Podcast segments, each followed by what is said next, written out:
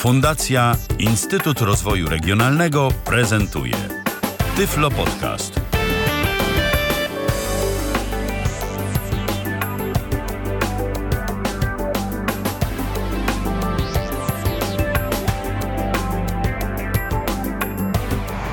Dobry wieczór. W kolejnej audycji z cyklu Babie Lato. Witam serdecznie, Alicja Witek.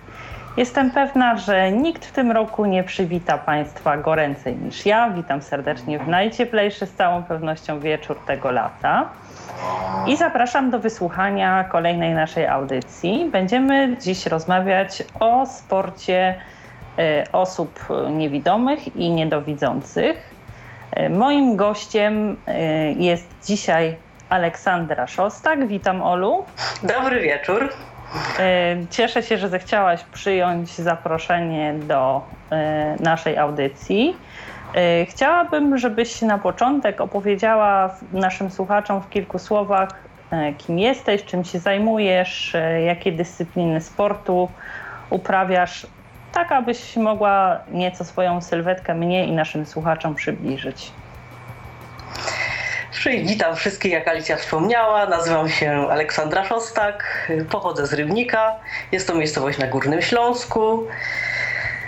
Ogólnie pracuję zawodowo jako fizjoterapeutka. Sportem zaczęłam się już interesować w szkole podstawowej. Swoją edukację rozpoczynałam, jak wielu z Was, w szkole dla niewidomych w Laskach pod Warszawą. No tam e, były różnego rodzaju SKS, zawody lekkoatletyczne. Pod koniec mojej edukacji w szkole podstawowej wybudowano basen, ale niestety nie nauczyłam się jakoś pływać. Jakoś basen mnie nigdy nie ciągnął.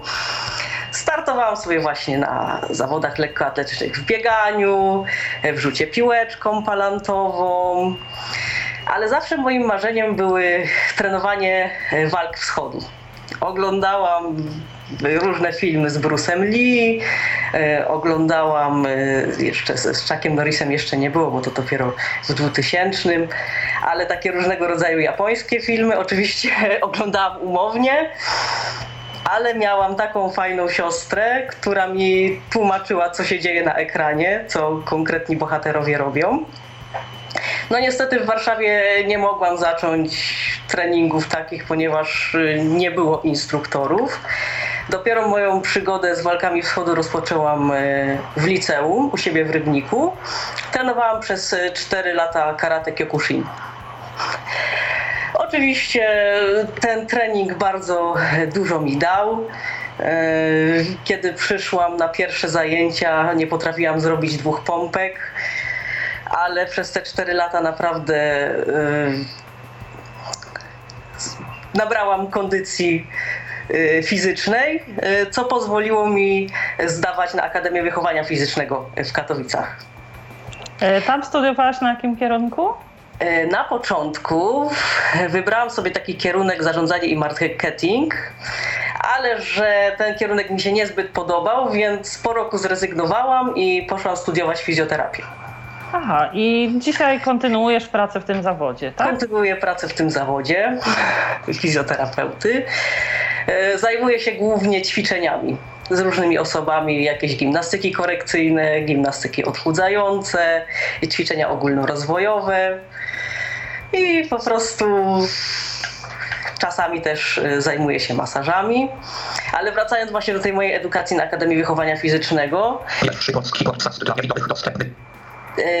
tam, e, przepraszam bardzo, mi coś tutaj komputer się. O, dobrze. Już jest wszystko w porządku. Na Akademii Wychowania Fizycznego otworzyły się przede mną większe możliwości. Oczywiście zaraz po zdaniu egzaminów zaczęłam zwiedzanie obiektu. Zobaczyłam, że jest fajna siłownia, na której można ćwiczyć. Również jest bardzo fajna sekcja judo, do której się również zapisałam. No niestety tak wyszło, że judo trenowałam przez, tylko przez 3 lata i potem niestety to zarzuciłam. Zajęłam się innymi dyscyplinami sportu. No E, pozwolisz, e, mhm. Olu, że na chwilę e, przerwę ci. Jeśli trenowałaś karate, judo, powiedz mi, jak wygląda z punktu widzenia osoby niewidomej trenowanie takich sportów walki? Czy to jest łatwe dla osoby niewidomej, w ogóle możliwe? Do jakiej sprawności jest dojść w stanie w trakcie uprawiania tego typu dyscyplin? Ma możliwość w pojedynku z osobą w pełni sprawną e, zwyciężyć? Jak to wygląda? Więc tak, e, karate e, ogólnie no, trening dla osoby niewidomej jest dostępny.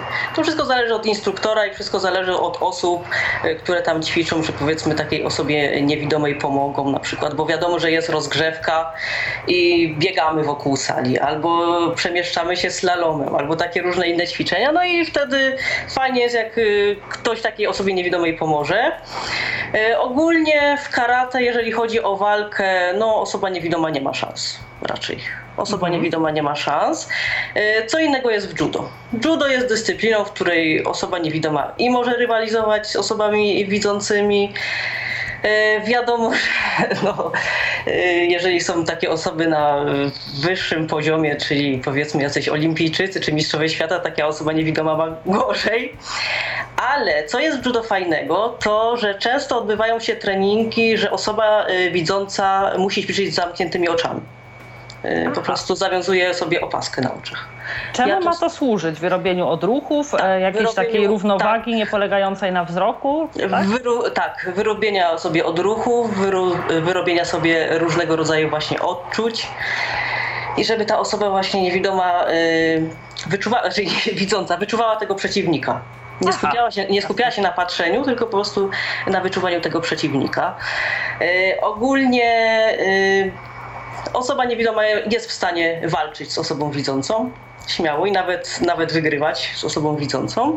E, motyw jest tylko taki, że y, kiedy walczy taka osoba niewidoma z osobą widzącą, e, od razu już się chwytają za kimona. Nie ma Na starcie, tak? Na starcie. Mhm. Bo inne osoby mają coś takiego, jeżeli walczą osoby dwie widzące, e, muszą walczyć jakby o uchwyt. No i oczywiście to jest walka w staniu, a w, walka w parterze to już żadnych problemów nie ma. Osoba niewidoma śmiało może y, założyć jakieś duszenie, zrobić jakąś dźwignię. To nie ma problemu. Oczywiście też y, fajnie jak y, ktoś nam pomoże powiedzmy właśnie w rozgrzewce, czyli jakieś bieganie, jakieś właśnie takie różne też właśnie takie slalomy na orientację, znaczy nie na orientację, tylko na e, wyćwiczenie e, koordynacji i sprawności. I da e, się. I da się, da się. Judo jest wiele lepszą dyscypliną. Dla osób Jak byłaś przyjmowana jako nowa osoba i w tym klubie, w którym trenowałaś karate i w później w sekcji judo w trakcie e, studiów. E, czy były osoby, które miały jakieś obiekcje w osobie trenerów, że e, nie dasz rady, albo grupa jakoś trudno było sobie członkom grupy, z którą trenowałaś, wyobrazić możliwość współpracy? Czy ty im opowiadałaś, w jaki sposób powinni ci pomóc? Czy oni cię pytali o to, na jakiej zasadzie to się odbywało? Mm, to w ogóle na początku odbywało się tak, że Y, najpierw y, rozmawiałam z trenerem po prostu. Szłam do trenera mhm. przeważnie przed zajęciami. Y, to było i na karate, i na judo. No i się pytałam, czy przyjmie taką osobę. Oczywiście i trener z judo, i trener z karate nie miał nigdy do czynienia z osobami niewidomymi. No i ja nie miałam problemów. Nie miałam problemów. On powiedział, że jeżeli chce przyjść, to, to proszę bardzo. Czyli Więc... wystarczyło być osobą zdeterminowaną. Tak, tak? wystarczyło I... być osobą zdeterminacji. To było akurat w moim przypadku. Tak. Miałam takie szczęście, prawda, że, że nikt nie robił mi większych problemów. Rozumiem. I wtedy, y, wiadomo, no, przez pierwsze treningi to y, osoby jakoś tam, dziewczyny w szatni trochę, trochę się bały, nie wiedziały y, jak się do mnie odezwać. No po prostu nie wiedziały jak się zachować przy mnie. Pierwszy raz też się zetknęły z osobą niewidomą, ale potem to wszystko właśnie zależy, y, czy ta osoba będzie zainteresowana trenowaniem tego sportu, czy nie. Bo jeżeli osoba sobie będzie chodzić raz w miesiącu, to wiadomo, że y, wszyscy o niej zapomną, nikt się do niej nie przyzwyczai. A jeżeli powiedzmy ja chodziłam trzy razy w tygodniu na te treningi, no to już po dwóch, trzech miesiącach y, wszyscy już się tak przyzwyczaili do mnie, wiedzieli, że taka osoba chodzi, że jak, jak mi trzeba pomóc, y, wiedzieli. Więc najważniejsza jest jakaś ciągłość, żeby mhm. wszyscy wiedzieli, że taka osoba jest zdeterminowana i chce coś robić, chce chodzić po prostu na te treningi. Jasne, wtedy jest traktowana i przez trenerów, tak. i przez mhm. współzawodników e, poważnie. Jakie były dalsze Twoje kroki, jeśli chodzi o kolejne dyscypliny sportu? To było tak, że yy, chodząc na judo, zaczęłam przy okazji chodzić na siłownię, właśnie na tej Akademii Wychowania Fizycznego. E, I spotkałam tam e, Michała Wilka, który jest mistrzem świata w trójboju siłowym i wyciskaniu sztangi leżąc. No i on mi tak pokazywał różne ćwiczenia, bo ja no, w liceum nie wiedziałam, co się na tej siłowni robi. E, coś tam słyszałam kiedyś, że jest jakaś kulturystyka, że coś tam, ale no, nie miałam zielonego pojęcia. Dopiero właśnie tam na AWF-ie, na siłowni dowiedziałam się, jak to wszystko wygląda. Właśnie ten kolega zaczął mi pokazywać e, ćwiczenia, właśnie wyciskanie, jak się sztangę wyciska. A przepraszam, się... że tak jeszcze wejdę ci w słowo, ale to już było w e, wieku, kiedy byłaś osobą dorosłą. Natomiast Skąd y, wziął się w tobie taki sportowy duch? To y, tylko była kwestia y, szkoły i możliwości uczęszczania na SKS? Czy byłaś jakoś zachęcana przez rodziców? Czy rodzina usportowiona, tudzież rówieśnicy w liceum? Jak to wyglądało? No w podstawówce to na przykład moja siostra uprawiała różne dyscypliny. Chodziła na konie, właśnie chodziła na kung fu. Aha, czyli nie chciałaś być gorsza po prostu. No, nie chciałam być gorsza. Miałam też dziadka boksera. Aha, rozumiem. A tak, y, ja ogólnie lubię się ruszać. Lubię się ruszać, bo przecież na te SKS-y też nie wszyscy chcieli chodzić. Sama pamiętasz, że nie wszyscy prawda, byli zainteresowani tymi zajęciami w szkole. Ja generalnie tak- przyznam się, że ja byłam najbardziej zainteresowana tymi zajęciami w wodzie, ponieważ one były dla mnie takie e, najbardziej e, przyjemne, pozwalały się zmęczyć, a jakoś e, nie odczuwało się tego, tych takich negatywnych skutków zmęczenia aż tak dotkliwie. E, bo pływanie jest takim, dla mnie, przynajmniej w moim odczuciu, e, pływanie jest takim sportem, który oczywiście pozwala e, zadbać o kondycję fizyczną, jakoś tam spalać kalorie i tak dalej. Natomiast to zmęczenie, które pozostaje po pływaniu jest dla mnie przynajmniej takim najbardziej przyjemnym i akceptowalnym rodzajem zmęczenia po wysiłku fizycznym. No, ja właśnie, znaczy, lubię basen, nie powiem, lubię sobie tam popływać na basenie, ale nie lubię jakoś właśnie tak y, dużo pływać, jakoś żeby w tej we w te tak pływać. No, żałuję, że się w laskach nie nauczyłam y, właśnie żadny, żadnym stylem pływać, bo no, była taka możliwość, a ja jakoś, jakoś nie korzystałam z tego. Ale wiesz, wszystko przed tobą, jesteś zupełnie młodą osobą, więc y, no spokojnie zdążysz się pewnie nauczyć pływać i wielu innych dyscyplin. No musiałam, musiałam się nauczyć pływać na AWF-ie, to był już wymóg. Aha. Wprawdzie no, nie, obejm nie obejmowały mnie takie takie czasówki jak osoby widzące, ale musiałam się nauczyć wszystkimi stylami pływać czterema. A, rozumiem, rozumiem. No, więc... e, to, przepraszam, że tak wybijam cię z kontekstu wypowiedzi. E, zawitałaś na siłownię, gdzie spotkałaś e, mistrza w trójboju i wyciskaniu leżąc. On zaczął ci pokazywać różne e, ćwiczenia i już e, jakoś zainteresowało cię to od razu, czy miałaś takie mieszane uczucia z początku? Mnie to od razu zainteresowało. Jakoś tak yy, potem właśnie, bo to zaczęłam trenować w 2001 roku, yy, ten kolega mi zaczął opowiadać o zawodach sportowych, że właśnie są w tym wyciskaniu, że jakbym chciała, to mogłabym sobie wystartować, że on właśnie organizuje takie Mistrzostwa Śląska yy, na Akademii Wychowania Fizycznego. I to były właściwie moje takie pierwsze zawody. I tutaj nadmienimy, że w tej dyscyplinie to jest trójbój siłowy, tak? Nie, to, było, to było samo wyciskanie sztangi Aha, leżąc. To było samo e, wyciskanie, wyciskanie sztangi leżąc. E, mogą startować na równi zawodnicy e, niewidomi z osobami zupełnie sprawnymi, tak? tak. Tak, mogą... Jak odbywa się sama procedura zawodów? Czy w przypadku osób niewidomych przebiega jakoś inaczej? Jest jakaś asysta w trakcie przygotowania się do konkretnego pojedynku? Jak to wygląda? Jeżeli chodzi o samo wyciskanie sztangi leżąc, bo potem przejdziemy do trójboju siłowego, mhm. głównie chodzi o to, żeby y, trener taką osobę niewidomą podprowadził do ławeczki, po prostu y, pokazał jej, gdzie jest ławeczka. Y, taka osoba kładzie się na tej ławeczce, może poprosić o pomoc, jeżeli chce ściągnąć sztangę ze stojaków lub może ją sama zdjąć. Ściąga sztangę, trzyma w górze, czeka na komendy sędziego, które są głośne, więc usłyszy. Sędzia mówi start, opuszcza się sztangę na klatkę piersiową. Sędzia mówi góra, wyciska się i sędzia mówi trzecią komendę odłóż. No mhm. i w sumie to jest cała filozofia.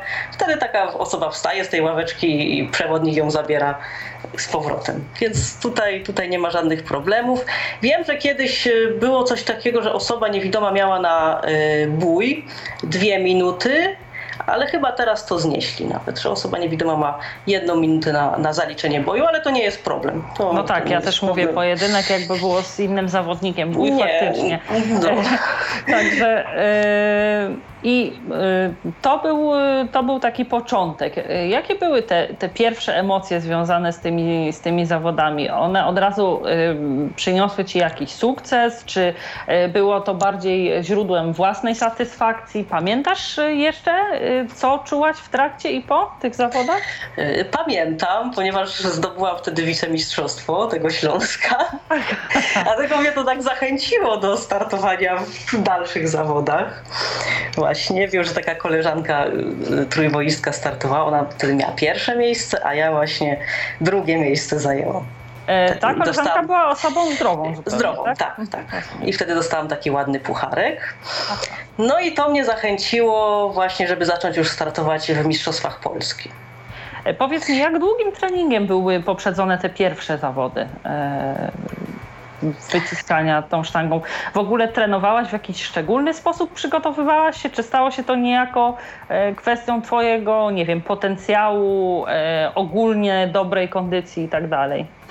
E, trenowałam. Aha. Ponieważ na siłowni na siłowni nie można sobie robić długich przerw w treningach. Jeżeli zrobimy na przykład dwutygodniową przerwę w treningu, od razu spadają nam wyniki to jest taki, taki właśnie nietypowy sport, że jednak.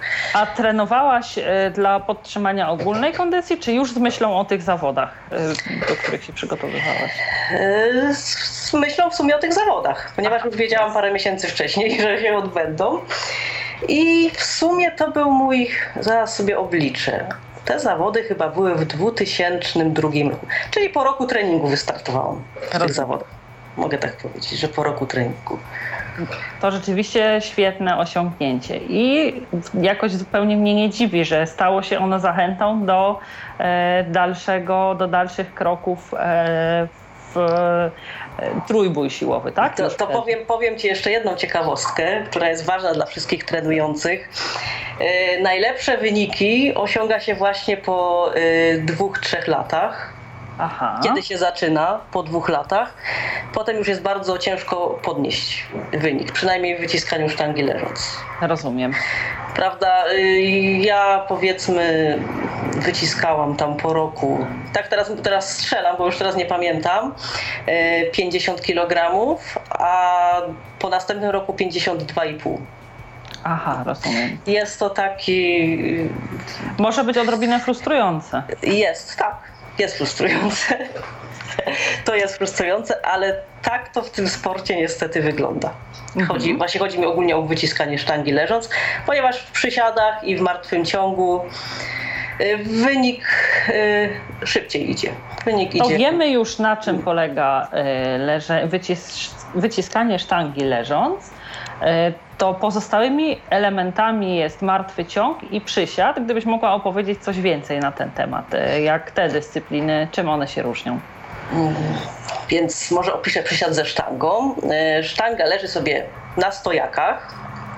Na wysokości, Przed tobą? Przede mną, mhm. na wysokości naszych, tak, naszych barków. Na wysokości tak. naszych barków.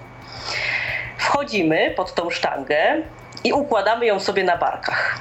Układamy ją sobie na barkach, stoimy w rozkroku, chwytamy albo szerzej, albo węziej, to, to jak kto lubi, bo są różne techniki.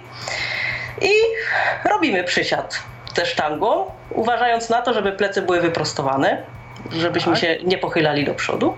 Robimy przysiad i wstajemy. Komendy tu trochę wyglądają inaczej. E, ściągamy sztangę ze stojaków, stajemy, Y, Sędzia mówi start, robimy przysiad, wstajemy, sędzia mówi odłóż. I tak Rozumiem. wygląda, tak wygląda przysiad. I yy, dużo, dużo, dużo ludzi, jeszcze powiem coś do przysiadu, yy, dużo ludzi robi błąd yy, polegający, że sztangę trzymają na kręgach szyjnych. Aha. Proszę tego nigdy nie robić, jeżeli instruktor będzie. Wiem, że na początku trzymanie sztangi na barkach jest bardzo niewygodne, bo y, te mięśnie są nierozciągnięte. Jest to trudniejsze, ale trzymanie dużych ciężarów na y, kręgach szyjnych może się skończyć nieszczęściem. Bardzo dużym. Bo chyba coś tu u mnie słychać, ale to je, jedzie, jedzie po prostu samochód z reklamą. Aha, rozumiem. E, a jak jest e, z martwym ciągiem jeszcze, jeśli możesz wytłumaczyć? E, Chodzi mi tylko o to, żebym i ja, i nasi Mhm. słuchacze mieli pojęcie, e, jak wyglądały dyscypliny, które trenowałaś. Martwy ciąg. Sztanga leży sobie na ziemi, Mhm. na której założone są ciężary. My kucamy w rozkroku, sztanga jest przed nami, chwytamy albo nachwytem, albo podchwytem, też są różne techniki. Mhm. Rozkrok może być szeroki albo wąski, to też zależy jak kto lubi. Mhm. I jakby z tego przysiadu, żebym teraz tego nie pomyliła, wstajemy z tą sztangą, wstajemy z nią do góry, podnosimy ją z ziemi. Ale yy, jakby pracujemy grzbietem, czyli kurczę właśnie, ciężko mi to wytłumaczyć. Yy, jesteśmy w rozkroku. No i wstajemy, wstaj, tą sztangę musimy podnieść z ziemi. Tak jak podnosimy z ziemi, nie wiem, jak, jakąś koszyk, jakąś szafkę, tylko musimy patrzeć na to, żeby plecy były cały czas wyprostowane. A musimy ją także unieść nad głowę, czy wystarczy Nie. podnieść do pewnej wysokości? Yy, jakby to wytłumaczyć? Ręce muszą być cały czas wyprostowane. Aha, Czyli my rozumiem. podnosimy tylko grzbietem i tymi nogami. Ręce w tym boju nie biorą żadnego udziału. Rozumiem, jasne. Czyli musimy stanąć w pełni wyprostowanej postawie, trzymając tą sztangę w rękach. Tak, na wyprostowanych rękach ona tak naszej wisi. No po prostu jest tak z przodu opuszczona, wyprostowane plecy, y, łopatki ściągnięte, głowa do góry. I rozumiem, że w trójboju suma wyników podniesionych wszystkich ciężarów liczy się jako całość ostatecznego wyniku, tak? Tak. y, W każdym, w każdym boju mamy po trzy próby i bierzemy tą najlepszą próbę. Rozumiem. Czyli tak. A w tych zawodach startowałaś e, również e, z osobami, mając za rywali osoby pełnosprawne, czy e, również e, osoby niewidome? A jeśli tak, to od, od jakiego momentu? To znaczy, czy to, od, od, bo e, jak przypuszczam, na początku to były jakieś zawody, tak, na uczelni, treningi na uczelni, jak to się rozwijało? Yy, może opowiem tak. Zaczęłam w ogóle od wyciskania sztangi leżąc, samego Mhm. wyciskania sztangi leżąc. Yy, Pojechałam w 2003 roku na swoje pierwsze Mistrzostwa Polski. Startowałam jeszcze wtedy w juniorach, bo yy, tam są różne yy, kategorie wiekowe. Jest od 18-21 lat i potem jest jeszcze 21-23 lata, to jest junior młodszy, junior starszy prawda? I potem powyżej 23 roku życia już są e, seniorzy. Więc e, startowałam właśnie na tych swoich pierwszych mistrzostwach Polski, e, na których udało mi się zdobyć złoty medal. Trójbój siłowy zaczęłam trenować rok później, czyli w 2004 roku. I dopiero e, po dwóch latach e, wyjechałam już w sumie na moje pierwsze mistrzostwa e, dla niewidomych, już mistrzostwa Europy. To były mistrzostwa w czeskich Budziejowicach. Mhm. To były mistrzostwa w czeskich Budziejowicach.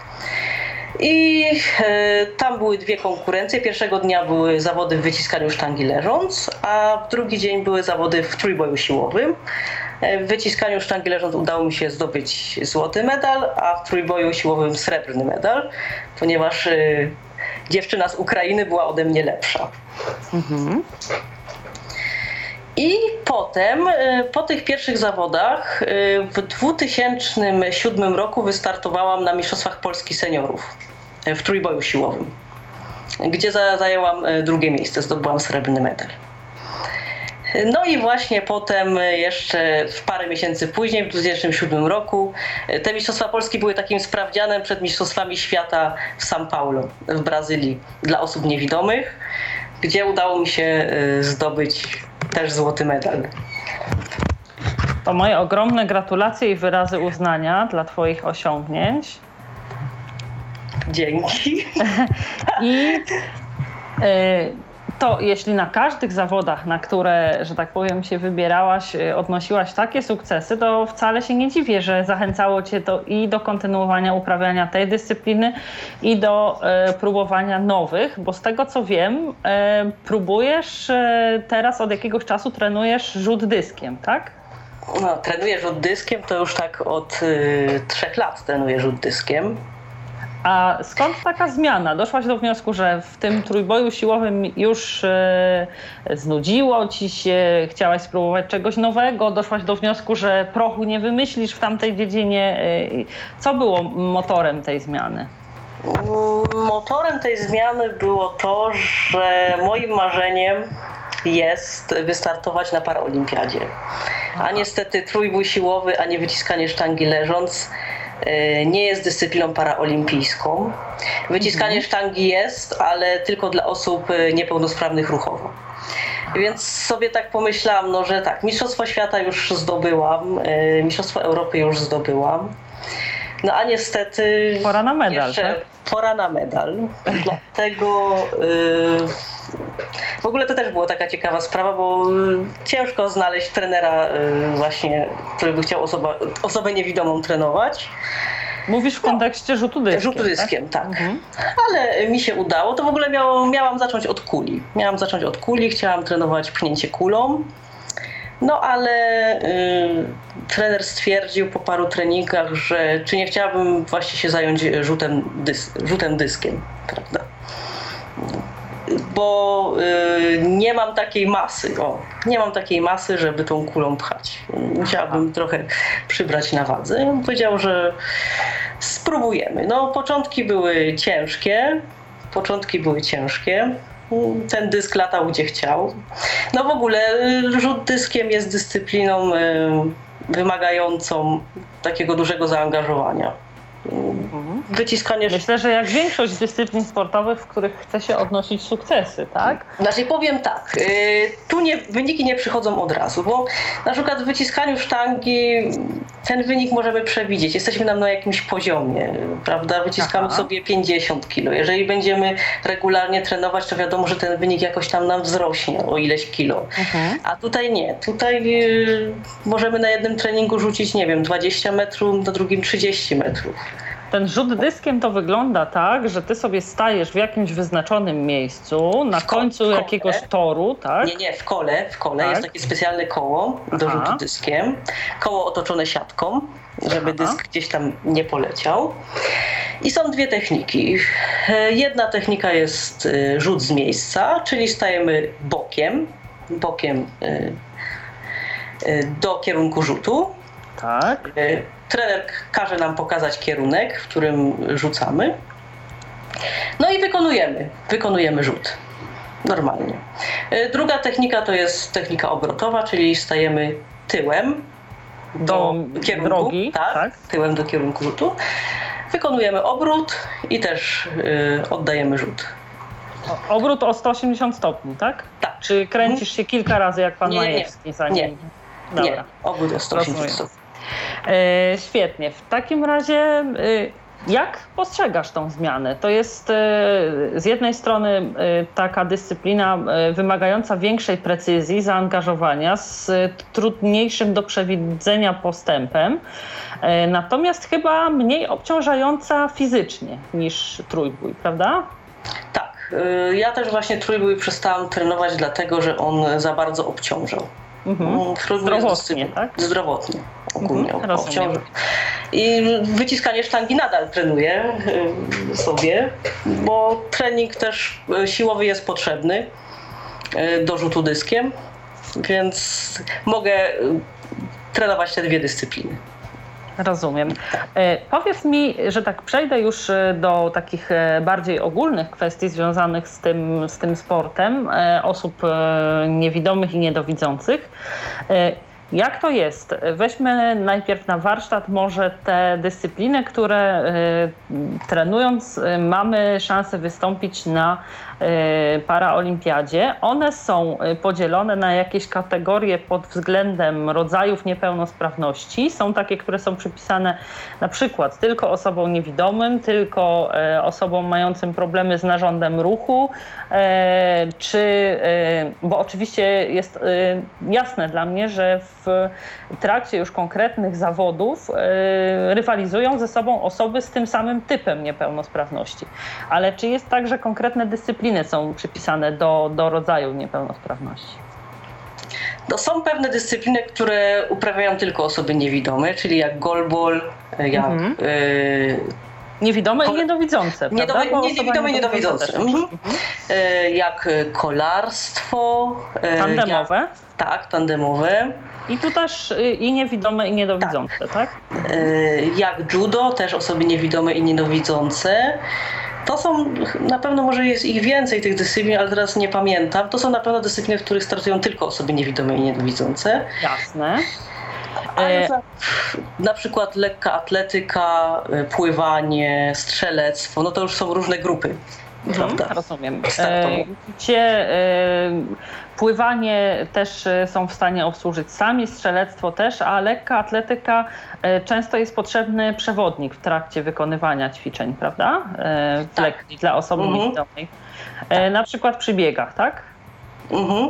Przy biegach ja. wiem, że osoby niewidome biegają na tak zwanym mm, pasku, czyli mhm. taka, taka osoba biega razem z osobą niewidomą i chyba też biegają na sygnał dźwiękowy. Ale 100% nie jestem pewna, jak Jasne. to wygląda. Rozumiem. Y, a jak to wygląda w kontekście konkretnych zawodów?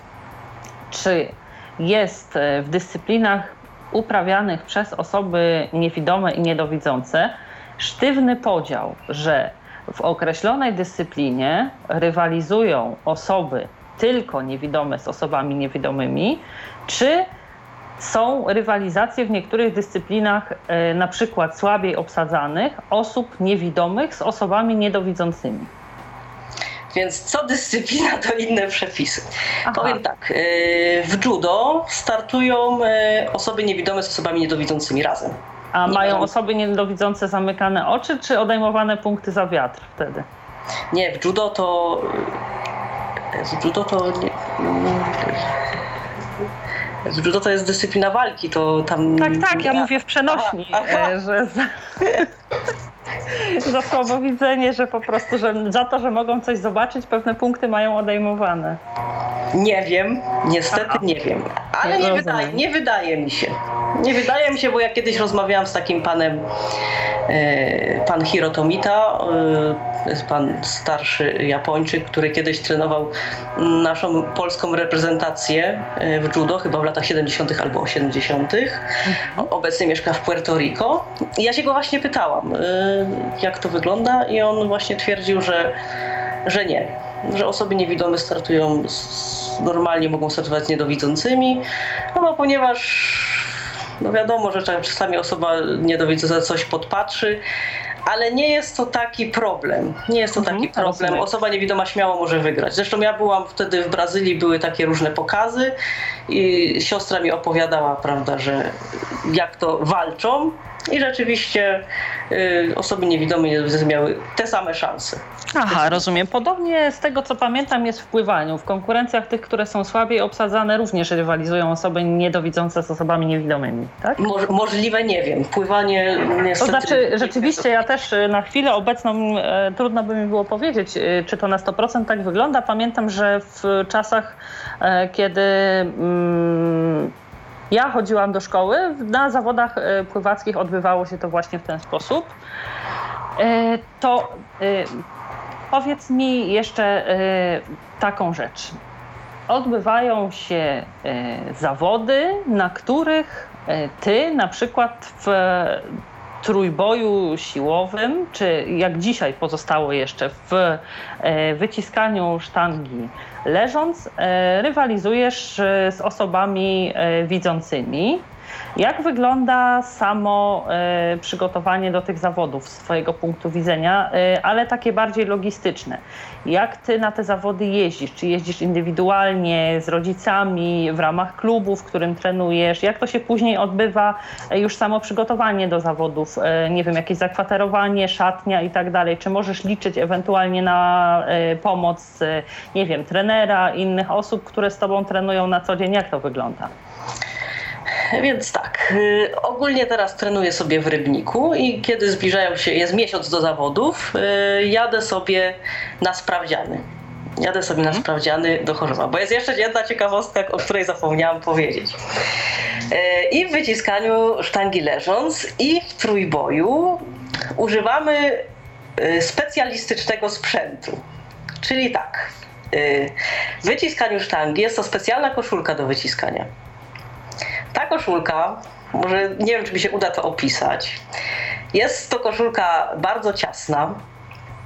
E, jest tak ciasna, że musi ją zakładać e, trener. Mhm. Żeby ręce przeszły przez rękawy, trzeba sobie na te ręce założyć worki na śmieci, żeby był poślizg. No tak to wygląda, tak wszyscy startują i y, tą koszulkę przed startem y, trener naciąga, a drugi pan spina mnie paskiem, prawda? A czemu to ma służyć? To y, wspomaga, wspomaga wyciskanie. Wspomaga yes. wyciskanie. Wygląda to mniej więcej tak, że jeżeli założymy tą koszulkę, to ręce mamy wyprostowane Ręce mamy A. wyprostowane. Trudniej jest giąć po prostu, tak, tak? Trudniej jest giąć. I polega to na tym, że jeżeli się kładziemy na ławeczce, bierzemy tą sztangę, opuszczamy ją na klatkę, to nam ta koszulka pomaga troszkę wyciskać. Jasne, rozumiem. Tak. Tak to wygląda. Do przysiadów również stosujemy specjalny taki kaftan. Też bardzo ciasny, trzeba go wkładać właśnie na worki. I yy, też, jeżeli robimy przysiad, aha, jeszcze stosujemy przy robieniu przysiadach bandaże na kolana które mhm. bardzo się ciasno wiąże, wiąże się tak, że ledwo, krew nie dopływa. Ledwo krew nie dopływa, ledwo można ruszyć tą nogą. I pomagają, i bandaże, i ten kostium też y, pomaga zwiększyć wynik w takim przysiadzie. Y, no, w przysiadzie jest taki problem, że może y, ciśnienie, no, głowa może rozboleć po takim przysiadzie, może się zakręcić w głowie. Mojemu koledze krew z nosa prawda, zaczęła lecieć po zrobieniu tego, tych, tego przysiadu. Po prostu jest duże obciążenie, bardzo Jasne. duże obciążenie. No i do martwego ciągu też jest specjalny, specjalny kostium. I też ktoś pomaga ci zakładać, tak? tak? Też ktoś pomaga zakładać. Obecnie organizuje się zawody y, w stylu klasycznym, czyli bez specjalistycznego sprzętu. Mhm. Czyli tylko zakładamy sobie jakieś e, takie bandaże na ręce, ale to jest tylko po to, żeby, żeby po prostu nie uszkodzić nadgarstków. No i są organizowane zawody w sprzęcie. Mhm, tak. rozumiem. No. E, I tutaj możesz liczyć na, na pomoc e, czy to trenerów, czy osób, które przyjeżdżają z Tobą na te zawody, tak? Tak, ponieważ przeważnie większość zakłada sobie te koszulki, więc jedni drugim zakładają mhm, tak, takie rozumiem. koszulki. E, a mm, powiedz mi, jak e, to wygląda od strony organizacyjnej? E, z tego, co ja próbowałam się dowiedzieć, wygląda to w ten sposób, że osoby trenujące dyscypliny olimpijskie, czyli w kontekście osób niewidomych paraolimpijskie, mają możliwość korzystania ze wsparcia, to znaczy te E, zawody czy treningi są w jakiś sposób wspierane przez Ministerstwo Sportu. E, pozostałe dyscypliny to jest e, najczęściej cross, organizuje różnego rodzaju zawody, treningi stacjonarne w miejscach, gdzie, gdzie ma swoje siedziby i tam mm, potencjalni adepci tych dyscyplin sportu mogą się zgłaszać i trenować. I trzecia forma to jest taka, jaką ty y, preferujesz, czyli y, jakby zatrudnianie własnego trenera i pod jego okiem przygotowywanie się do zawodów. Tylko, że jest to też forma wymagająca od zawodnika y, jakby jak największej z tych trzech form własnego nakładu finansowego, organizacyjnego i tak dalej, prawda?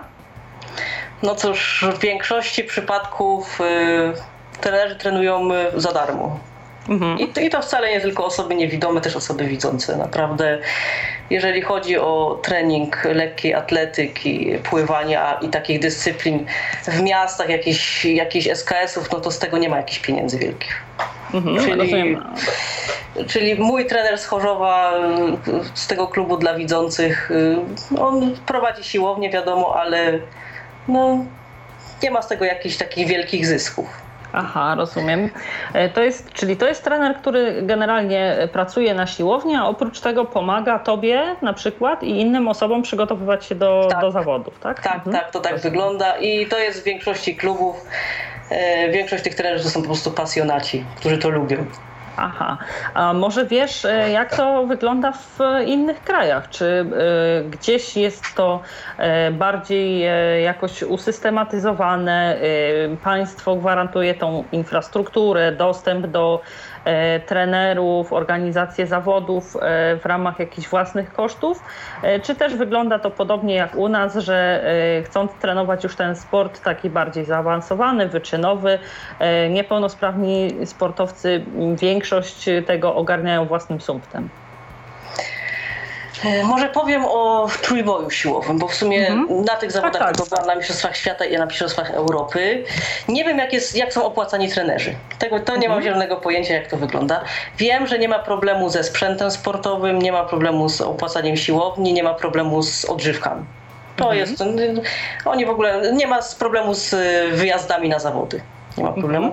I co jest najfajniejsze, no i to była dyscyplina, ten trójbój siłowy nie jest dyscypliną e, olimpijską, znaczy paraolimpijską, tak? a startowali ludzie z Ukrainy, z Turcji, z Armenii, z Rosji, e, z Kanady, z Czech, e, ze Stanów Zjednoczonych, no z wielu krajów z wielu krajów, po których się człowiek no, nie spodziewał, że mogą wystawić jakąś niewidomą ekipę, no bo Turcja to się nam tak kojarzy, nie? Jakoś tak że z biedą, że, że ci niepełnosprawni to są tak traktowani, a tu się okazuje, że, że przyjechała cała ekipa z nowiutkimi, nowiutkim sprzętem, z telewizją swoją turecką, która zaraz, y, kiedy po prostu skończyły się zawody, zaraz udzielali wywiadów. Y, ci zawodnicy, no dla mnie to jest takie ciekawe i no fajne, bardzo fajne. Ja mam bardzo wrażenie, fajne. że e, u nas o paraolimpijczykach e, mówi się w momencie, kiedy zwykli olimpijczycy e, zawiodą lub nie zachwycą i jakby tak na otarcie łez mówi się o wielkich osiągnięciach paraolimpijczyków, po czym przez 4 lata jest cisza i tak, tak. do następnej paraolimpiady, prawda? Tak, Mniej tak. więcej tak. tak to wygląda. Oczywiście za tym mówieniem, ponieważ e, całe to mówienie odbywa się tylko w mediach, e, gdzieś jest pokazany pan prezydent, który się spotyka z paraolimpijczykami. Oczywiście padają ciepłe słowa, deklaracje o tym, że należy taki sport wspierać i tak dalej. I generalnie chyba na tym, na tych relacjach z tych spotkań wszystko się kończy. Nigdy e, nie ma żadnej kontynuacji takiej, że e, coś za tym później dalej idzie, tak? Bo nie no przybywa od tego ani infrastruktury, ani opłacanych dobrze trenerów, i ani miejsc, w których e, osoby mogłyby indywidualnie trenować, więc. No to tak właśnie, moja siostra też właśnie w Niemczech mieszka i tam te osoby niepełnosprawne się pokazuje normalnie w telewizji. Mhm, Jakie są wybory Zawody ich, tak? Tak, i w ogóle są wybory czy sportowca roku, czy coś tam i, i tych niepełnosprawnych naprawdę widać na każdym kroku. Mhm. To nie jest jak u nas, że pokazuje się ich właśnie raz na 4 lata i, albo coś tam się wspomni, jedna notatka, że tam było chyba dwa tygodnie temu, że osoby niepełnosprawne na Mistrzostwach Świata właśnie w lekkiej atletyce zdobyły ileś tam medali, już teraz konkretnie nie, nie pamiętam, ale była to taka sucha notatka, no, więc, więc wygląda to tak trochę marnie. E, a jak wygląda e, organizacja zawodów e, tutaj w u nas w kraju. Oczywiście większość dyscyplin ma jakieś swoje zawody rangi mistrzowskiej, tak, gdzie to są Mistrzostwa Polski. Kto organizuje te zawody? One są pod egidą Ministerstwa Sportu, organizuje je CROSS czy jakieś inne zrzeszenia typu START? Jak to wygląda? Mm, właśnie dużo tych sportowych zawodów organizuje Polskie Zrzeszenie Osób Niepełnosprawnych Start. Mhm. I też oczywiście organizuje cross mhm. zawody. Wiem, że organizuje. E, teraz właśnie byłam na mistrzostwach e, w lekkiej atletyce. Startowałam w rzucie dyskiem. Tam to jest dopiero ciekawie. To, to jest jeszcze ciekawszy e, przelicznik, ponieważ na przykład w rzucie dyskiem startują praktycznie wszyscy niepełnosprawni razem. Przynajmniej wszystkie dziewczyny razem. I potem Bez jest względu na tak. typ niepełnosprawności. Tak. tak. I potem są takie specjalne przeliczniki i się każdemu oblicza y, punkty. Aha. To się liczy od jakoś chyba od rekordu świata e, w każdej jakby dziedzinie, mhm. czyli w każdej niepełnosprawności, w każdej tej grupie o, startowej. No i to wygląda czasami tak e, dziwnie, że ktoś rzuci bardzo dużo, a może zająć trzecie miejsce albo nawet czwarte. A ktoś rzuci mniej i zdobywa pierwsze miejsce. Bo w jego, w jego typie tak. niepełnosprawności rekord tak. jest niski. Tak. Aha, no. rozumiem. No to y, nie śrubuj tak tych rekordów, bo później inni niewidomi będą mieli trudniej. No nie, nie, nie, ja nie mam wyśrubowanych, jeszcze w rzucie, rzucie dyskiem jeszcze nie mam. Y, wiem, że Chinka chyba 40 metrów rzuca, więc jeszcze mi trochę, trochę brakuje. Na paraolimpiadzie rzuciła 40 y, metrów. Rozumiem to może zastanówmy się teraz nad kwestią taką. E, osoba taka zupełnie e, nieusportowiona, na przykład jak ja, e, która tam raz na jakiś czas coś tam sobie popływa, raz na jakiś czas powiedzmy, nie wiem, jakąś tam lekką gimnastykę sobie zrobi albo pokręci bioderkami do muzyki i to wszystko, nagle zechce uprawiać jakąś dyscyplinę sportu gdzie powinna e, szukać e, informacji, czy w pobliżu jej miejsca zamieszkania znajdują się e, jakieś organizacje tudzież zrzeszenia oferujące możliwość trenowania tejże dyscypliny. Alu, zanim, zanim y, Ola odpowie tak? na Twoje pytanie, to jeszcze szybciutko przekażę mm, tekst, który pojawił się na naszym radiowym Skype'ie, bo oczywiście można do nas dzwonić, można także pisać. Y, pojawiły się pozdrowienia dla Oli od kolegi rzucającego dyskiem, a kolega ma na imię Mirek, także o, takie pozdrowienia bardzo, właśnie tak. się pojawiły. Y, w sumie chyba ja i Mirek jesteśmy jedynymi osobami niewidomymi rzucającymi chyba w Polsce, tak mi się wydaje, ale niech mnie Mirek poprawi. O, dobrze. Chodzi mi o osoby zupełnie niewidome. Chodzi mi o osoby zupełnie niewidome. Tak, to tak bardzo się, cieszymy, że jednak ktoś nas słucha. Dziękujemy za pozdrowienia. E, ja oczywiście korzystając z okazji, rzeczywiście przepraszam tutaj za przeoczenie. E, jak najbardziej e, zachęcam Państwa do kontaktu i do zadawania pytań Oli. Możecie to robić przez Skype pod tyflopodcast.net, a także pod numerem telefonu 123 834 835. Serdecznie zapraszam do kontaktu. A Ciebie, Olu, zapraszam do odpowiedzi na moje pytanie, e, gdzie potencjalny adept jakiejś dyscypliny sportowej może szukać informacji na temat miejsca, w którym mógłby rozpocząć e, uprawianie tejże dyscypliny. Więc najpierw musimy się zastanowić, co chcemy uprawiać, bo to tak. jest ważne. No, uważam, że najlepszym szukaniem jest chyba internet, no co dużo mówić. Mhm. I sobie... szukamy y, na przykład w ten sposób, że wpisujemy e, dyscyplinę potencjalną, e, miejsce zamieszkania, na przykład, e, nie wiem, tam trójbój siłowy, Kraków, cross, czy tam Kraków, przepraszam, Kraków start, tak? I po wpisaniu takiego, powiedzmy, zapytania, jakieś informacje na ten temat, jeśli oczywiście ośrodek startu w Krakowie oferuje, możliwość trenowania trójboju siłowego powinny się nam wyświetlić, tak? No, teoretycznie tak, chociaż trójbój siłowy dla osób niewidomych, no ja jestem jedyną osobą uprawiającą. Tak, tak, ale tak. to był z mojej strony tylko przykład. Niech będą to, nie wiem, szachy w Sosnowcu albo, e, nie wiem, pływanie w Szczecinie, tak? E, na tej samej zasadzie. E, te, te stowarzyszenia czy organizacje promujące sport osób niewidomych mają swoje serwisy internetowe, jakieś, gdzie można sprawdzić w jakich miejscach są oferowane jakie dyscypliny sportu, bo to nie jest tak, że każdy jeden cross będzie oferował jedne i te same e, dyscypliny, co w innych regionach, tak? Nie. E, cross ma fajnie zrobioną stronę, uważam, internetową. Mhm. E Polskie Stowarzyszenie Osób Niepełnosprawnych Start ma stronę kiepską. Niestety. Znaczy w kwestii dostępności, tak? Nie, Czy w kwestii, w kwestii informacji? informacji tam zawartych. Aha, nie, ma nic tam, nie ma nic tam ciekawego. Powiem szczerze, że no, te krosowskie dyscypliny jeszcze są jakoś promowane. Reszta sportów ciężko jest coś znaleźć na temat osób niepełnosprawnych. No ja w sumie, żeby poszukać, gdzie się odbywają jakieś zawody, najpierw dzwoniłam do Warszawy, ale pan miał mi przysłać maila, w końcu nie wysłał mi przez dwa miesiące maila, chociaż podawałam mu dwa razy, ale że miałam kontakty takie y, z katowickim startem, panem Henrykiem Piętą, więc do niego sobie zadzwoniłam i się dowiedziałam wszystkiego. No ale jeżeli osoba nie ma żadnych kontaktów, to powiem, że, że nie jest łatwo. Nie jest łatwo. Ja pamiętam, kiedy my z mężem szukaliśmy miejsca, gdzie moglibyśmy się e, na terenie Śląska, nawet mam tutaj prośbę do słuchaczy, jeśli ktoś wie na terenie Śląska, gdzie mm, można e, do jakiejś sekcji pływackiej się zapisać, to bardzo bym prosiła, jakby mógł podesłać jakąś informację w komentarzach, ponieważ ja osobiście jestem tym zainteresowana. Dobrze, to tyle mojej prywaty. E, szukaliśmy i e, powiem szczerze, właśnie w internecie nie, nie za bardzo było e, gdzieś do znalezienia to.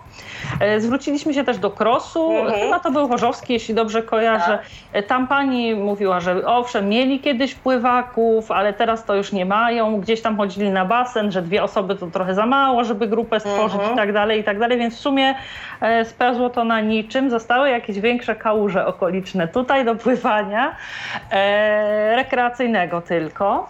E, i właśnie rzeczywiście tak e, też pytam, bo, bo y, może ktoś też z Państwa słuchaczy orientuje się, gdzie być może ani ja, ani Ola nie wiemy, a jest jakieś niewyczerpane źródło informacji odnośnie tego, e, gdzie, jakie dyscypliny sportu można kierować przy wsparciu organizacji zajmujących się ich promowaniem.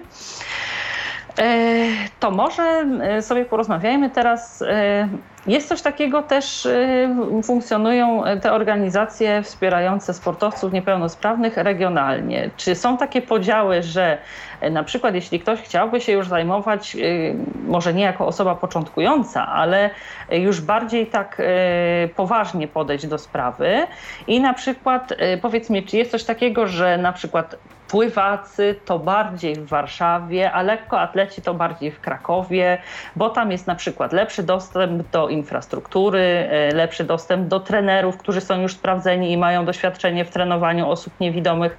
E, spotkałaś się z takimi opiniami? Czy to e, znaczy jest taka, powiedzmy, nie wiem, świadomość w środowisku, że, że pewnego rodzaju dyscypliny w tym miejscu będzie łatwiej trenować, a w innym go trudniej? Hmm. Ciężko mi jest coś na ten temat powiedzieć, ponieważ ja tak kontaktuję się z tymi osobami w sumie na zawodach tylko. Na zawodach. Mhm, tak. I tak, no w Rybniku jestem jedyną osobą. E, wiem, że sobie trenują osoby w Wiśle, e, w Cieszynie, e, w Gorzowie Wielkopolskim. Tam jest dobry klub w Gorzowie Wielkopolskim. Mówimy o lekkiej. Tak? O lekkiej, ale mhm. te osoby są porozrzucane w sumie po całej Polsce tak Aha. powiedzmy sobie szczerze. Bo myślałam, że może z mhm. wyników mhm. na e, zawodach osiąganych przez poszczególnych zawodników wyja, wyłania się taki obraz, e, gdzie właśnie warto daną dyscyplinę sportową trenować, bo jest odpowiednia infrastruktura i można to robić pod okiem doświadczonego trenera. Znaczy to jest na pewno tak, że jeżeli taka osoba coś sobie trenuje i pokaże się na jakichś zawodach z dobrej strony, no to y, ma pewnie szansę na wyjazd na jakieś zgrupowania albo obozy z kadrą narodową. No i wtedy jest pod opieką y, trenera kadry narodowej. Ale... Zacząć musi sama własnym tak. punktem, gdzieś się zgłosić i tak dalej? No, raczej tak. Raczej A jak to wygląda z punktu widzenia finansowego? Osoba, która nie trenuje w ramach jakiegoś klubu, chcąca wziąć udział w zawodach, e, musi sobie ten udział opłacić? Czy to jest bezpłatne? Jak to wygląda? Czy zależy od rangi zawodów? E, więc wygląda to tak, że jeżeli osoba e, jest, nie należy do żadnego klubu, na przykład e, do Polskiego Zrzeszenia Osób Niepełnosprawnych START, e, wtedy startuje jako osoba niezrzeszona i musi sobie wszystko opłacić. Aha. E, A jeśli jest, y, to płaci normalnie składkę i przy osiąganiu e, dobrych wyników zrzeszenie wysyła ją na zawody jako własnego reprezentanta, tak? No, wysyła, tak. Wysyła jako, nie wiem, czy tam nawet ministerstwo nie dopłaca do tych noclegów i, i prawda, startowego. Chyba mi się wydaje, że tak ale też, też nie jestem stuprocentowo pewna.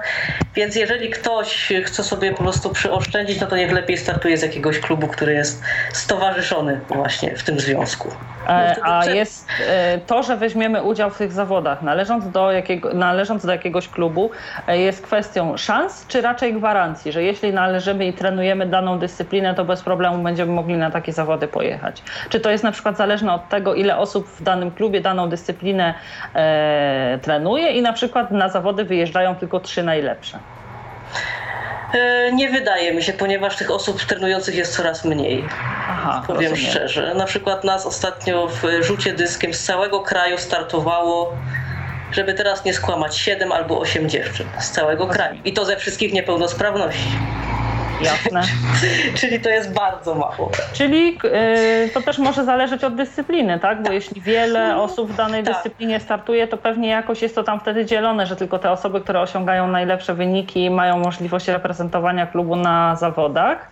Y, a jak to, dobrze, wiemy już jak to jest, kiedy ktoś tam y, szuka, znajdzie miejsce, y, powiedzmy y, pojawia się taki przyszły adept określonej dyscypliny sportowej, sportowej i co w tym klubie się dzieje. Czy są oceniane e, jakoś na pierwszym, w trakcie pierwszego spotkania jego predyspozycje do e, określonej dyscypliny, bo na przykład ktoś chce, nie wiem, uprawiać taniec, a ma e, nogi do opery, głos do baletu i ni w ząb widać już na pierwszy rzut oka, że jakoś no ewidentnie nie ma predyspozycji w tym kierunku. Jest ktoś, kto to ocenia i mówi, czy to jest tak, że każdy może spróbować, a to, czy będzie osiągał jakieś wymierne wyniki w tej dyscyplinie, czy nie, no to to już jest kwestią e, jego e, jakby mm, jego zmartwieniem, tak?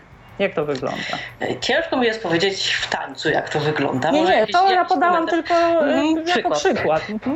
Wiem, że w kręglach na przykład, jak ja sobie trenowałam troszkę, ale bardzo mało, ponieważ nie, nie starczało mi już czasu, mógł startować każdy. Ja pamiętam, że, że mógł trenować każdy, nie było jakichś większych problemów. I tak jak mówię, no, te dyscypliny sportu trenują jednostki. No tak jak ja właśnie tą lekką w rybniku. No, jestem jedyna i w sumie nie musiałam tam przechodzić jakichś większych sprawdzianów. Właśnie trener mi pomógł z wyborem tej dyscypliny. Zamiast powiedział właśnie zamiast yy, rzutu, yy, pchnięcia kulą zaczęłam rzucać dyskiem. Ciężko mi jest, naprawdę ciężko mi jest powiedzieć, jak to wygląda w innych klubach. Mhm. Może A ktoś... jeśli e, już e, zaczniemy e, tam dany, dany sport trenować, czy będąc e, członkiem e, tego klubu jesteśmy obowiązani do jakiejś regularności w treningach, czy to jest kwestią e, naszego samozaparcia i tego, że jeśli chcemy osiągnąć jakieś wyniki, to oczywiście liczymy się z tym, że ten trening musi być regularny. Czy to jest kwestią wymogów, czy, czy naszego zaangażowania tylko? Jak często będziemy się na tych treningach pojawiać? No, ciężko, ciężko mi jest powiedzieć, ponieważ Aha. nie wiem, czy y, osoby niepełnosprawne podpisują jakąś umowę z klubem. Nie wiem, jak to wygląda. No na mhm. pewno lepiej, żeby taka osoba, prawda, A nie, no to jest poza sporem, oczywiście, bo w żadnej dyscyplinie nie sposób osiągnąć dobrych wyników, e, jeśli e, te treningi nie są systematyczne. Dobrze, to zapytam Cię jeszcze o jedną rzecz taką, która w, nurtuje mnie w kwestii początkujących e, sportowców.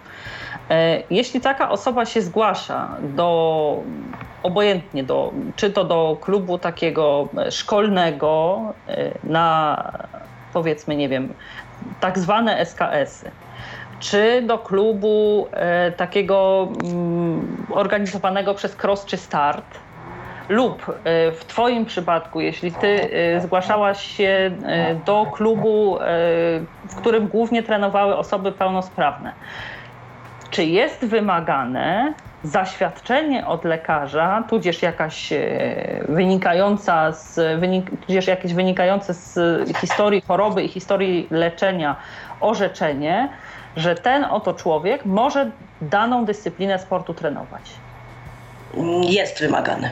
Mhm. E, jest taka książeczka sportowca i idzie się do lekarza. Jedni wymagają lekarza sportowego, inni wymagają tylko lekarza pierwszego kontaktu. Ale z tym się spotkałaś w klubie tym, gdzie trenują e, z tobą osoby e, zupełnie, to znaczy pełnosprawne, czy również w trakcie uprawiania tych dyscyplin, gdzie twoimi rywalami były osoby niewidome?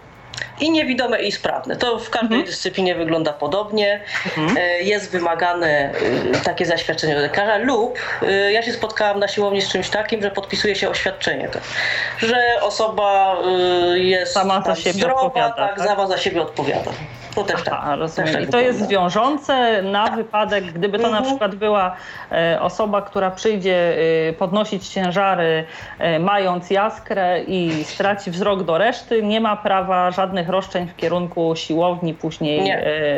kierować, tak? Nie ma, Pod adresem. Nie ma prawa. Mhm. Nie, nie ma prawa I, i zaświadczenie lekarskie jest wiążące i, i takie oświadczenie również. Rozumiem. E, to może y, zrobimy sobie teraz y, krótką przerwę, po której wrócimy do rozmawiania o sporcie z moim i Państwa dzisiejszym gościem, Olą Szostak. Ja zapraszam do kontaktu i zadawania pytań. E, można to robić przez Skype na tyflopodcast.net, a także pod numerem telefonu 123 834 835. Do naszej rozmowy wracamy za chwilę. To jest Tyflo Podcast. Pierwszy polski podcast dla niewidomych i słabowidzących.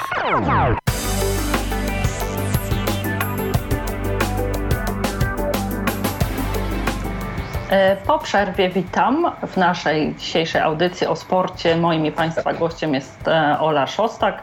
E, w ostatniej naszej odsłonie, Olu, mam do Ciebie jeszcze kilka takich pytań. Pierwsze z nich to takie, czy obserwujesz, bo trenujesz, mimo iż jesteś młodziutką osobą, mm, sport E, jako osoba niepełnosprawna od lat. E, czy obserwujesz takie zjawisko, jakie pojawia się w sportach e, osób pełnosprawnych? Tak zwany przypływ i odpływ e, ewentualnych trenujących do konkretnych dyscyplin, czyli e, nie wiem, że na przykład, e, mówię tu akurat o mhm. osobach zdrowych, na fali pani Radwańskiej czy pana Janowicza ludzie nagle, cała Polska gra w tenisa lub na fali tańca z gwiazdami cała Polska tańczy. Czy to się jakoś przekłada na dyscypliny preferowane przez sportowców niewidomych, niedowidzących? Y, osobiście nie zauważyłam takich mhm. jakichś trendów, żeby, żeby jakieś dyscypliny były bardziej popularne, y, mniej popularne. Y, na przykład jeżeli chodzi o lekką atletykę, to niestety ilość osób trenujących się zmniejsza. Niestety ilość osób trenujących się zmniejsza. Nie wiem jak to wygląda z, z innymi dyscyplinami. Czy, A... czy też ten właśnie poziom jest, jest niższy i, i osoby niepełnosprawne nie chcą w ogóle nic trenować? Jak przypuszczasz, e, rozmawiając z innymi e, osobami, może też z trenerami, którzy od lat zajmują się mm, trenowaniem osób niepełnosprawnych, co może być tego przyczyną? To, że e, nie wiem, coraz więcej czasu e, spędzamy przed komputerem, że nawet w szkołach e, nauczyciele wychowania fizycznego twierdzą, że dzieci, które absolutnie z tego przedmiotu nie powinny być zwalniane, a wręcz wskazane byłoby, byłby ruch przynoszą zwolnienia lekarskie, jakoś odwracając się od tego sportu. Jak myślisz, co może być powodem takiej sytuacji? No to na pewno jest pierwszy powód, który wymieniłaś. Jeżeli naprawdę odpływ jest również wśród osób y, widzących, to wśród osób niewidomych jest jeszcze większy, niestety, ponieważ mamy teraz dużo osób, nie, dzieci niewidomych ze schorzeniami sprzężonymi. I mhm. rodzice się boją o te dzieci i załatwiają im zwolnienia z WF-u. A przecież przykład... to byłaby dla nich tak. E, w większości przypadków, bo oczywiście nie tak. można generalizować. Mhm. W niektórych stworzeniach sport faktycznie e, są przeciwwskazania do uprawiania sportu, natomiast w części przypadków byłaby to dla nich również ogromna forma rehabilitacji, tak? No i właśnie, może ktoś napisze w komentarzach, kto uczył się w szkole integracyjnej, no właśnie chodzi mi o osoby niewidome, jak to u niego sprawa właśnie wyglądała z WF-em? Czy sobie załatwiał zwolnienie, czy nauczyciel jakoś przystosowywał te zajęcia? Bo mnie to ciekawi. Tak, ja wiem, też jestem. Wiem że, wiem, że wszystkie osoby z liceum, które chodziły do liceum dla widzących, y, nie trenowały na tych WF-ach. Ja też miałam problem. Też miałam problem, bo y, moja pani nauczycielka preferowała siatkówkę i prawda, no, musiałam sobie coś tam czasami przy drabince robić. I co? I tak przez 3-4 lata y, tylko ta siatkówka? Ty już tak. chodziłaś na trzyletnie liceum? Cztery, czteroletnie. Aha, jeszcze cztero? Tak, no siatkówka, tam czasami jakieś ćwiczenia. Generalnie gry zespołowe, tak? tak? No to jest najmniej, pani rzucała piłkę, grajcie sobie dziewczyny. No tak, najmniej tak. wymagające od nauczyciela też tak. E, zaangażowania. E, to ja się A... może od razu wtrącę, bo ja do mhm. szkoły masowej mhm. chodziłem e, zarówno do podstawówki, jak i gimnazjum i, i liceum ogólnokształcącego, to od razu mogę powiedzieć, jak to u mnie wyglądało. Mhm. Podobnie, Olu, jak w swoim przypadku, to znaczy WF obecnie z reguły wygląda właśnie tak, że no, nauczyciel zazwyczaj rzuca piłkę, no i macie, grajcie. Natomiast ja akurat miałem o tyle, o tyle dobrze, że zawsze mi nauczyciel starał się jakiś tam zestaw ćwiczeń wymyśleć i ja powiem szczerze, czasem yy, to, co ja robiłem, to było bardziej urozmaicone niż yy, to, co robiła reszta, bo reszta... Czyli no... poniekąd na plus. Tak, ponie, tak poniekąd, na, poniekąd na plus. Jeszcze akurat u nas w liceum było tak, że osobno była yy, siłownia, więc część osób później mogło sobie chodzić na tą siłownię, kiedy się yy, część mogła sobie tam grać na sali, część mogła chodzić na siłownię, no to ja zawsze wybierałem tą siłownię, żeby tam sobie coś, coś poćwiczyć. Także zwolnienia z WF-u nie miałem. Aha, no to Michał usportowiony. mnie ciekawi podstawówka, bo jednak ja pamiętam, że y, będąc w Laskach w tej podstawówce było trochę ćwiczeń na WF-ie, jakieś biegi, jakieś takie różne sprawnościowe, jakieś wchodzenie na drabinki, takie różne Ja inne. też pamiętam z, ze swojej szkoły y, z Krakowa, gdzie u nas y, zarówno e, były ćwiczenia na sali gimnastycznej, jak i ćwiczenia na basenie, ćwiczenia na dworze, w sensie na bieżni, e, było bieganie, były skoki w dal, mhm, tak. wszelkiego rodzaju były ćwiczenia prowadzone na WF-ie i w zakresie indywidualnym, jako gimnastyka ogólnorozwojowa. Nawet pan nauczyciel wychowania fizycznego, wiadomo, że taka tradycyjna gra w e, koszykówkę dla osób niewidomych jest e, e, trudna, więc żeby umożliwić nam chociaż sprawdzenie się, w, jak to wygląda w rzucanie piłki do kosza, rzucaliśmy z różnych odległości na punkty, była też ta rywalizacja, bo sport bez rywalizacji mm, nie ma no sensu, właśnie. prawda? Mhm. Tak samo pamiętam, zanim kiedykolwiek, znaczy zanim komukolwiek zaczęło się śnić jeszcze, żebym nie pomyliła, o golbolu to jest zawiązane oczy i piłka z dzwonkiem w środku, tak? Tak, tak. Dobrze. Mhm. E, to już my właśnie graliśmy też w piłkę toczoną. Tak, U nas tak, to były. pamiętam. też trochę inaczej wygląda. Ławki się ustawiało, nie? I, U nas się... akurat się ustawiało materace jako Aha. bramki i uh z każdej strony, y, w zależności od tego, ile tych materacy było, czy grało się na tam jeden materac, dwa materace czy trzy, była taka duża bramka, która czasami e, obejmowała jakby cały ten krótszy bok sali E, trenowały, znaczy e, broniły tej, tej, tej, e, bram, tej bramki trzy, cztery albo pięć, pięcioosobowe zespoły. E, także właśnie pod tym kątem akurat e, tutaj e, nie można było narzekać, że tak powiem, zwłaszcza, że właśnie mieliśmy jeszcze ten luksus w postaci możliwości korzystania z basenu, a i później licealiści mogli, bo wiadomo, to już trzeba było więcej po pierwsze takiej roztropności, ostrożności i tak dalej, małych dzieci nikt tam samych nie wpuszczał, mogli sobie korzystać z siłowni, więc to jeszcze było dodatkowym plusem. Mhm, bo uważam, że w podstawówce to jest bardzo bardzo ważny ten wysiłek fizyczny, ponieważ w podstawówce się kształtujemy. I jeżeli nie znajdzie się jakiś pasjonat, który się tym dzieckiem niewidomym zajmie, no to. To, to tak sobie przesiedzi 8 lat po prostu. Będzie tak, będzie kiepsko, pewnie będzie już od razu jakaś nadwaga, krzywy kręgosłup i, i w ogóle no, potem w późniejszych latach nie będzie wyglądało to za ciekawie. E, tutaj nikt e, nawet e, na pewno ani ty Olu, ani ty Michale, ani ja nie mówię, że mamy wymagać od niewidomych małych dzieci, że one będą skakały przez kozioł, czy nie robiły chodzi. salta no i tak dalej, ale żeby chociaż na przykład umożliwić takiej osobie, nie wiem, ruch na świeżym powietrzu w ramach jakiegoś tam spaceru, czy wykonywanie właśnie tej gimnastyki ogólnorozwojowej, skłonów, przysiadów, skrętów, elementów tułowia i tak dalej, i tak dalej, żeby po prostu troszeczkę się rozruszać, tak? Wiem, że kiedyś oglądałam taki dokumentalny film o szkole dla niewidomych dla dzieci w Anglii, gdzie była ścianka wspinaczkowa.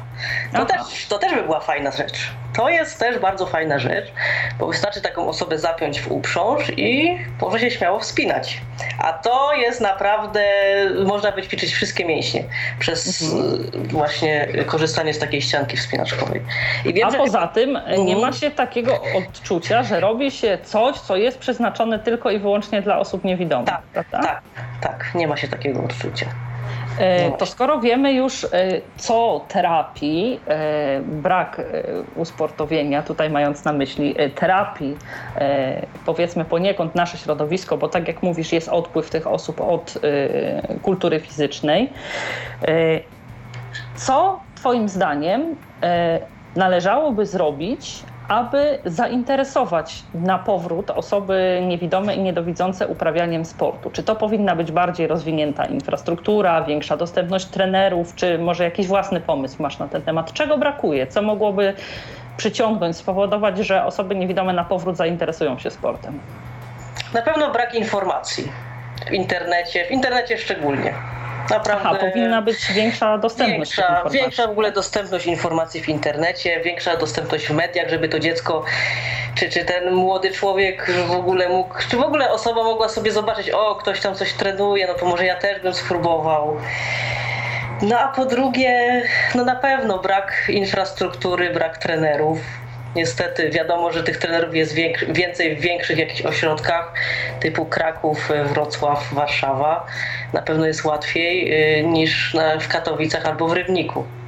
A czy uważasz, że y, w ramach y, poradni tych psychologiczno-pedagogicznych, kiedy zgłaszają się rodzice z dzieckiem przed wyborem szkoły lub w przypadku osób niepełnosprawnych, powinno być też poradnictwo przynajmniej takie, które uświadamiałoby rodzicom, że osoba niewidoma to ich dziecko, niedowidzące czy niewidome, może, a nawet powinno e, uprawiać sport y, jakiś. Y, nie chodzi tutaj o to, że konkretnie będzie tam siedział y, sztab jakiś powiedzmy fizjo, fizjologów, który będzie decydował o tym, jaka to powinna być dyscyplina.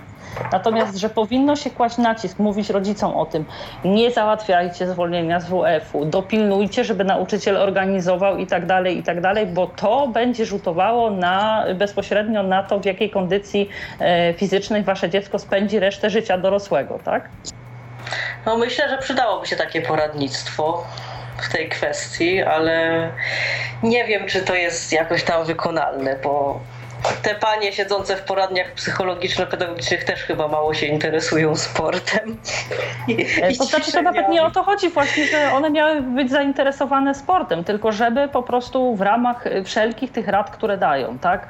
Jeśli kierują na przykład do szkoły integracyjnej, a tak jak mówisz, bywa z tym różnie. Michał ma dobre doświadczenia, ty masz złe, e, więc e, żeby było tak, że żeby rodzice mieli tą świadomość, że, że no bo tak naprawdę jeśli na przykład e, pełnosprawni rodzice mają dziecko z upośledzonym wzrokiem,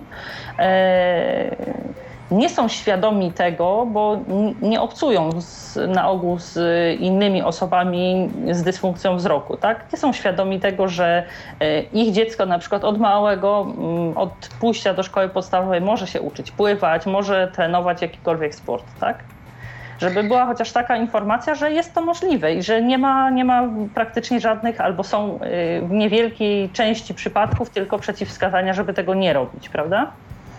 Ja nie mam dobrych doświadczeń z tą poradnią psychologiczno-pedagogiczną. Nie wiem, no, tam są osoby jakieś no, niekompetentne moim zdaniem, jeżeli chodzi o osoby niepełnosprawne. Rozumiem. E, to zostawmy te poradnie. E, taki ja e, miałam pomysł przynajmniej w zakresie te, tej edukacji, tak? tego, tego wychowania fizycznego, które mamy w szkole. Tak. A, Myślę, tak jak... że to już lepiej z tym nauczycielem od razu ze szkoły.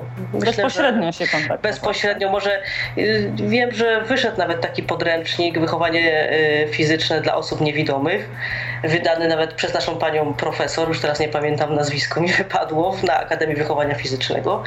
No więc jeżeli nauczyciel by się zaopatrzył w taką książeczkę, wiedziałby mniej więcej, y, co takie dziecko niewidome potrafi zrobić. Aha. Więc myślę, że, że to wszystko zależy od nauczyciela, jak podejdzie do tego problemu. Nie? Czy, czy tego rodzica będzie zachęcał, żeby jednak dziecko ćwiczyło, czy, czy, no, czy sprawę tak sobie nie, nie będzie zainteresowany. Każe temu dziecku siedzieć na ławeczce i niech sobie się sa, same sobą zajmuje. Nie? No, wszystko zależy od ludzi, bo żadna instytucja niestety tego nie. Tego no, nie oczywiście, ja proponowałam tą, e, no. tą poradnię w kontekście tego, że rodzic po prostu czasami obawia się, że to dziecko no. jak będzie ćwiczyło, to zrobi sobie krzywdę. Nie jest pewien, czy będzie mogło i tak dalej, i tak dalej. E, no, ale to... Gdybym ja miała przez poradnię y, załatwiać sobie liceum w swojej miejscowości, mm, dla osób widzących, liceum masowe, w życiu bym tego nie załatwiła. W życiu bym tego nie załatwiła, ponieważ na szczęście wpadłyśmy na pomysł z moją mamą, żeby iść najpierw do dyrektora, który nam mhm. zgodę wydał. No i potem, prawda, trzeba iść do tej poradni pedagogicznej, psychologicznej, no i ale to się nie da, proszę pani, no gdzie to, no przecież są specjalne szkoły dla ludzi, dla osób niewidomych. No dopiero jak pani zobaczyła zgodę, to powiedziała, aha, no dobrze, to jak się dyrektor zgodził, no to, no to, to nie ma żadnego problemu, więc nie mam dobrych doświadczeń z taką z taką Jasne, jasne. E, to już, że tak powiem, podsumowując, e, oczywiście e, chyba nikt z naszych słuchaczy, jak i ja, e, nie mamy wątpliwości, że zdecydowanie jesteś zdania, że osoby niewidome i niedowidzące nie tylko mogą, ale i powinny uprawiać sport. Chciałabym zapytać Ciebie o Twoje osobiste refleksje. Co uprawianie sportu nie tylko w kontekście dysfunkcji wzroku, ale ogólnie jako człowiekowi dało tobie? Y, jakie oczywiście mam świadomość tego, że uprawianie sportu wymaga samodyscypliny, samozaparcia, y, kosztuje wiele wyrzeczeń, ale jakie były plusy? Co otrzymałaś w zamian? No na pewno wiadomo zwiększenie kondycji swojej, yy, zmniejszenie stresu. Ogólnie yy, sport yy, zmniejsza stres, e, zwiększa wydzielanie endorfin, czyli hormonów szczęścia. E, mi to się przydaje, ponieważ e, pracę mam trochę stresującą i jak się trochę powyżywam na tej siłowni, na tych ciężarach i sztangach, to mi przechodzi. Na pewno jestem bardziej pewna siebie. No tak, po trenowaniu karate tak. i judo można być pewnym siebie. E, lubię też rywalizować. Po prostu daje mi to dużo satysfakcji. Nawet jeżeli nie osiągam tam wysokich wyników, czy, czy w rzucie dyskiem nie zajmuję jakiegoś e, dużego miejsca, zajmuję tam piąte miejsce, to i tak e, mam dużo satysfakcji, że po, pokonałam samą siebie. No właśnie, i w sumie, w sumie to wszystko. No najważniejsze jest, że moje poczucie, samopoczucie się polepsza, prawda? A Kiedy, co daje sport teraz już ogólnie mówiąc osobom niewidomym? Co może dać lepsze poczucie orientacji przestrzeni, poprawienie e, na pewno motoryki. motoryki, koordynacji, e, na pewno właśnie e, lepsze też znajomości jakieś na pewno przez uprawianie takiej dyscypliny. Poznawanie różnych ludzi. Też przyjemność pasjona. wyjeżdżania Też przyjemność na wyjeżdżania. zawody. E, a w przypadku osiągania dobrych wyników w trenowanej dyscyplinie może dać e, świadomość bycia równie dobrym, albo równie sprawnym, albo sprawniejszym w kontekście sportowym od osób niepełnosprawnych? Jak to wygląda? Od osób pełnosprawnych, przepraszam. Znaczy ja mogę powiedzieć y, o sobie ogólnie, że yy, mnie się podoba to, że mogę obecnie już tylko w wyciskaniu sztangi leżąc, ponieważ trójboju siłowego nie uprawiam, yy, mogę rywalizować y, z osobami widzącymi na tych samych zasadach. Że po prostu osoba startuje widząca na tej ławeczce wyciska, ja wyciskam i nie, nie może nikt powiedzieć, że dostaje tam jakieś fory, że mam jakieś ulgi. Bo to jest dyscyplina oczywista, tak? tak? Albo się wy, wycisnęła, albo nie. I, I nie dlatego, ma... dlatego trener mi czasami mówi, słuchaj, no może byś zmieniła ten trening, może byś y, nie przestała już uprawiać te wyciskanie sztangi leżąc, ale jakoś nie umie, nie umie z tego zrezygnować, bo mi się cała ta atmosfera zawodów podoba, cała ta otoczka, ten trening na siłowni, po prostu już mi to tak weszło w krew, że tydzień bez siłowni to tydzień stracony. Rozumiem. Cieszę się w takim razie, że takie pozytywne refleksje. No, e, to jeszcze na sam koniec e, chciałabym Cię zapytać o Twoje rady, jakich chciałabyś udzielić tym osobom, które być może dopiero rozważają uprawianie sportu. Jak wybierać dyscyplinę, czym się nie zrażać, w czym powinny być ostrożne przy podejmowaniu jakich decyzji, e, co powinny mieć z tyłu głowy, jaką świadomość, która pozwoli im uprawiać sport i cieszyć się e, uprawianą dyscypliną. No ja może skupię się na tych dyscyplinach, które ja znam, bo ciężko mi się opowiedzieć na przykład o Ale nie chodzi o takie mhm. generalne podejście do sportu, do, do tego, co sport nam daje, a czasami też do tej goryczy związanej na przykład e, z długotrwałym brakiem sukcesów i tak dalej. E, no na pewno trzeba mieć dużo zaparcia e, i cierpliwości do uprawiania sportu. Hmm, co by tu jeszcze tak powiedzieć? Ciężko mi jest tak ogólnikowo o każdym sporcie, bo każdy mhm. sport jest jednak inny. Inny jest mhm. właśnie ten rzut dyskiem, gdzie musi być zaangażowanych więcej osób, gdzie e, musi być jakiś wolontariusz zaangażowany, który będzie e, prawda, łapał nam te dyski, przynosił nam z powrotem, gdzie jest zaangażowany też trener. Inna sprawa jest e, trening na siłowni, gdzie wystarczy albo życzliwa osoba, albo instruktor i już sobie możemy poradzić. Mhm, rozumiem. E, mnie bardziej chodziło o takie kwestie, żeby się nie zniechęcać tym na przykład, że od razu nie możemy znaleźć trenera, żeby pytać, żeby szukać, e, żeby e, na bieżąco przeglądać ofertę oferowanych dyscyplin, bo może akurat jeśli chwilowo nie mamy możliwości trenowania jednej, będziemy mieli gdzieś w pobliżu swojego miejsca zamieszkania czy kształcenia się znaleźć jakąś dyscyplinę Mm, pokrewną, żeby mieć tą świadomość, że samo uprawianie sportu sporo nam daje, y, uczy nas y, samodyscypliny, systematyczności itd. Tak no na pewno tak. Judo jest dyscypliną w ogóle nie uprawianą przez osoby niewidome w Polsce, więc może znajdzie się kto przetrze szlaki i będzie startował i może się doczekamy naszego mistrza paraolimpijskiego. E, na pewno trzeba przejrzeć ofertę, co e, jakieś stowarzyszenia e, nam zaproponują, czyli właśnie CROSS lub Polskie Stowarzyszenie Osób Niepełnosprawnych Start w konkretnym mieście. A jeżeli w naszym mieście, jak u mnie, nie ma takiej organizacji, no to musimy zacząć chodzić po klubach dla osób sprawnych. Mhm i szukać, powiedzmy. Czy powiedzmy z lekkiej atletyki znajdzie się trener, który zechce nas trenować? Czy powiedzmy e, na siłowni znajdziemy sobie instruktora? No z pływaniem jest gorzej, ponieważ e, pływanie dzieci zaczynają w wieku 5 lat i raczej no, nie przyjmują do sekcji po prostu już starszych, znaczy starszych osób, no, starszych dzieci. To są już takie dyscypliny typowo e, zawodowe prawda, bo to już są Mistrzostwa y, Śląska, y, Mistrzostwa Polski, y, Mistrzostwa Europy. No właśnie, no to jest też problem, że takie kluby zajmujące się zawodowo sportem, one są nastawione na wyniki i nie mają też czasu dla osób niewidomych. A tutaj osiąganie, dochodzenie do, do tych wysokich wyników zajmuje troszeczkę więcej, więcej czasu. Więcej tak? czasu i na pewno te wyniki nie będą takie same jak, jak u osób widzących. Na pewno będą gorsze. Rozumiem. Jeżeli... Ale trzeba próbować. Nie, można I nie należy się zniechęcać. Nie należy się zniechęcać.